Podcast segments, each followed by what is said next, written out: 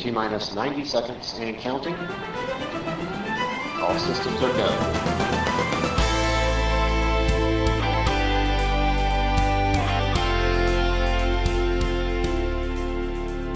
Hallo, leuk dat je luistert. Dit is Save the Earth, de podcast. Mijn naam is Lenny liftoff.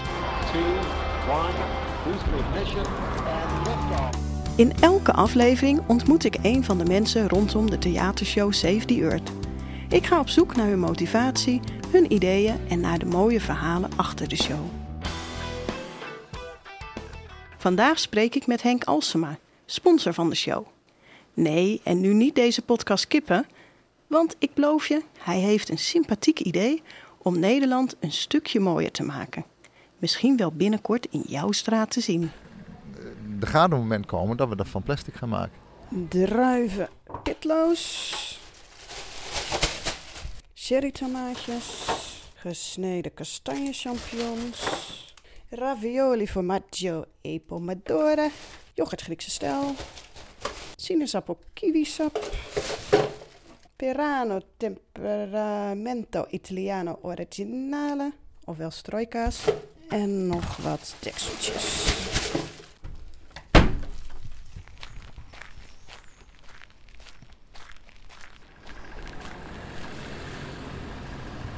Goedemorgen Henk. Goedemorgen Lenny. Een eh, kwartje voor je gedachten. Kwartje voor je gedachten. Ja, ik zit hier even eh, rustig te genieten op het eh, bankje. Ja, te genieten van het moment. Nou, wilde jij met mij hier afspreken in winkelcentrum Paddenpoel? We zitten ervoor met uitzicht op een kruispunt. Ik vind het niet de romantische omgeving voor een date.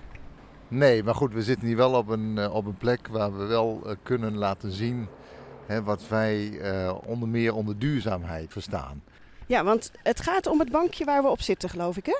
Ja, klopt. Wij hebben hier in dit eh, winkelcentrum, eh, rondom dit winkelcentrum, hebben wij een parkmeubilair ge- geleverd, gemaakt van kunststofafval. Ja, hoe, hoe moet ik het omschrijven? Ik zal eens even kijken. Het is een vrij recht, strak, modern bankje met zwarte poten en dan een beetje, kan ik het hout, lookalike-achtige planken voor de rug en eh, de zitting eh, omschrijven? Ja, kijk, eh, we proberen toch daar een mooie touch aan te geven en, en ook met, met verschillende kleuren te werken. Maar het is wel gewoon van kunststof. Hè? Het, is, het is niet van hout. Ja, het is echt een heel duurzaam product vanwege het feit dat het van, van afval gemaakt is en dat het ook gewoon geen onderhoud vergt en dat het ook heel erg lang meegaat. Ja, ik ga eens even uittesten hoe het zit. Dat is ook niet onbelangrijk bij een bankje. Oh, dit is een lekkere rugleuning. Hij zit goed in de rug. Klopt inderdaad, ja. Ik had een cadeautje voor je meegenomen. Een grote witte zak. Kijk aan, ik ben dol op cadeautjes. Ja, ja, Ja. nou moet ik zeggen, ik heb Joost Okkels heb ik een eh, bos zonnebloemen gegeven. Dus Ja. het is wel een beetje in schril contrast. Want wat zit er in jouw zak? Nou, dan laat ik het, eh, het, het eens even gaan uitpakken. Ik zie hier eh, een verpakking van veldsla. Ik zie hier een leeg eh, flesje. eh, dat zal waarschijnlijk een soort van smoothie geweest zijn. En ik zie hier een eh, lege verpakking van yoghurt Griekse stijl. Ja, en zo zit er nog meer in. Er Ik, zit eh, allerlei kunststofafval in. ja, is, nou, dat is meteen mijn eerste vraag. Want jij hebt het over kunststof en ik heb het over plastic. Ja. Is dat hetzelfde? Nou, eigenlijk is plastic het Engelse woord voor kunststof. En ja, het is eigenlijk hetzelfde. Oké.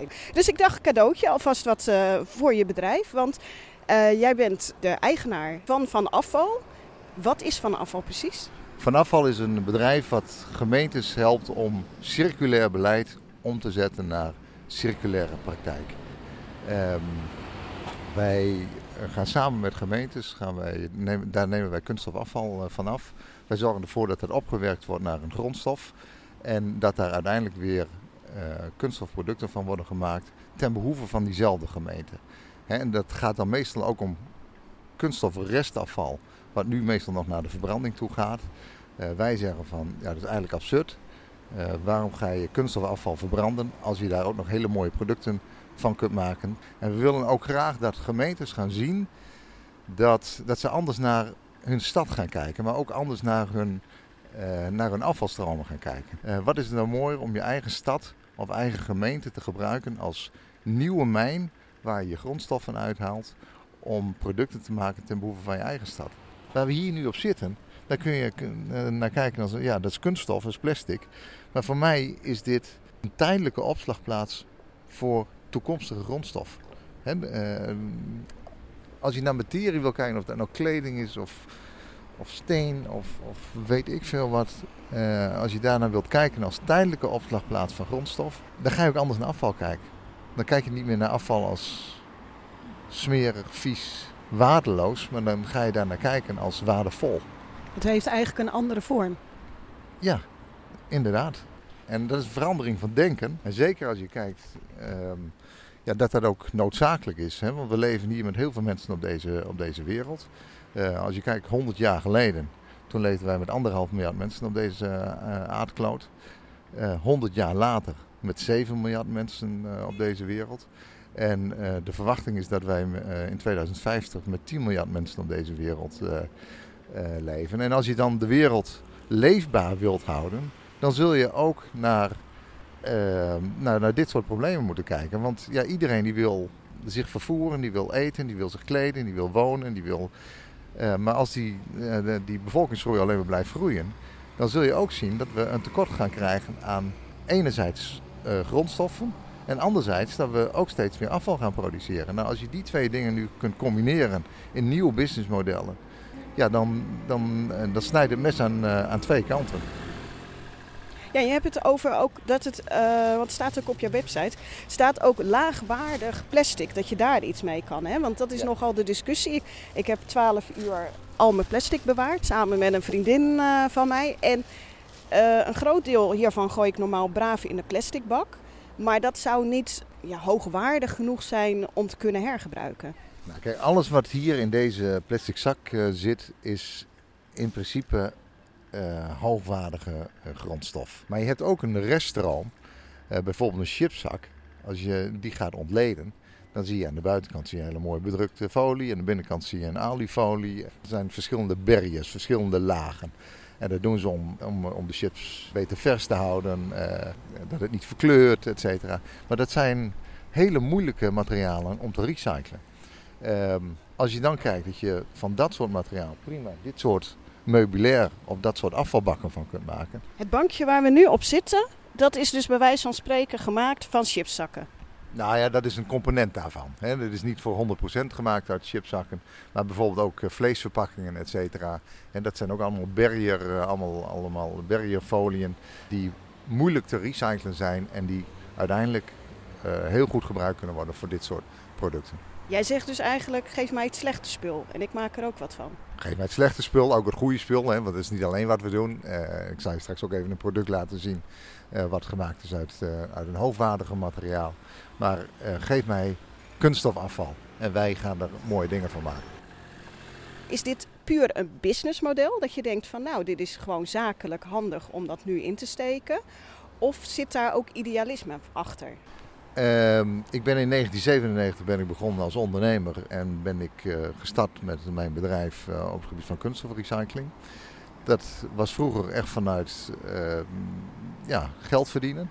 Eh, ik was toen twintiger, ik ben inmiddels 50 geworden en ik kijk daar wel anders tegenaan. Ik word mezelf bewust van hoe teer deze wereld ook is. Dan, dan heb ik wel zoiets, daar denk ik over na. Ik heb kinderen. Uh, nou, die zullen ooit waarschijnlijk ook uh, kinderen gaan krijgen. En ik heb wel zoiets van ja, maar als dit zo doorgaat, dan wordt die wereld onleefbaar. Daar, daar valt niet meer op te leven op termijn. En dus ik wil wel mijn, mijn steentje daarin bijdragen. En ik ben ondernemer.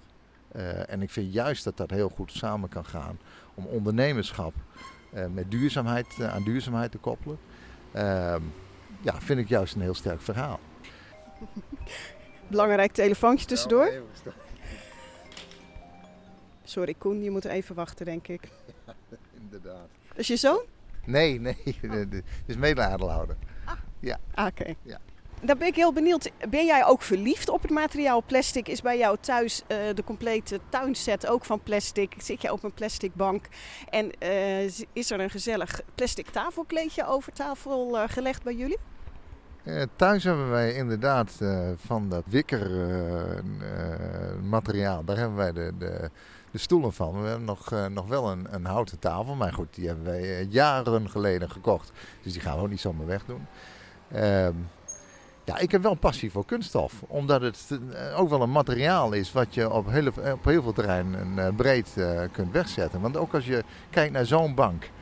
Vroeger was dit ondenkbaar. We hebben altijd in hout gedacht. Maar hoe absurd is het dat je hout in Brazilië en Indonesië gaat kappen. Daar ehm, nou, de ontbossing onbewust stimuleert. Vervolgens op een grote vervuilende oceaanstomer eh, dat materiaal deze kant op laat komen.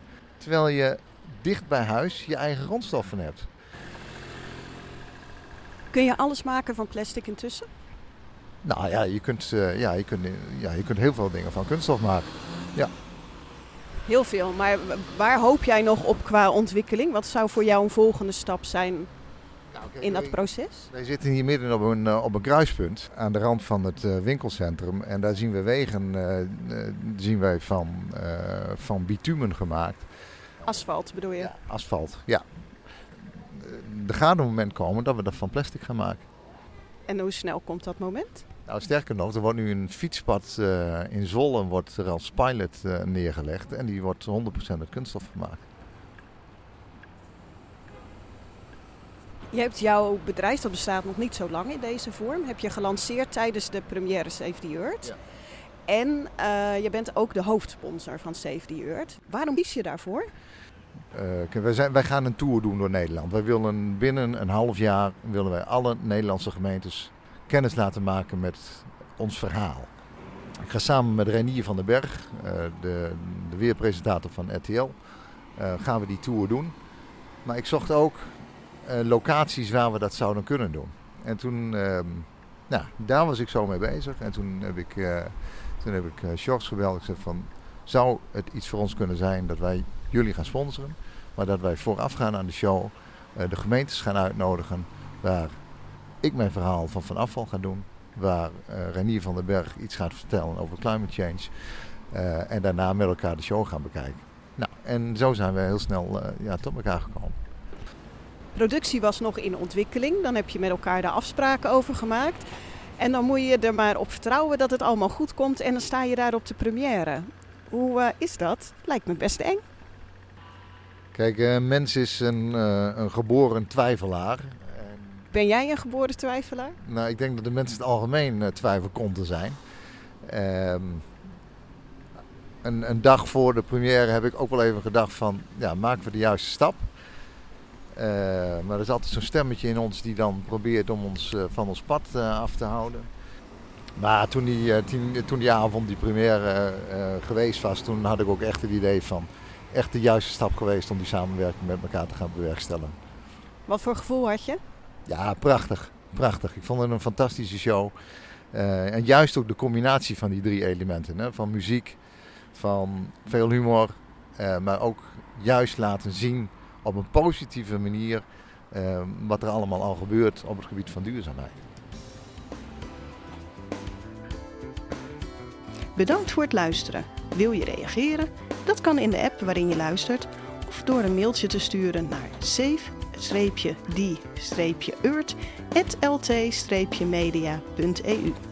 Ik lees het graag.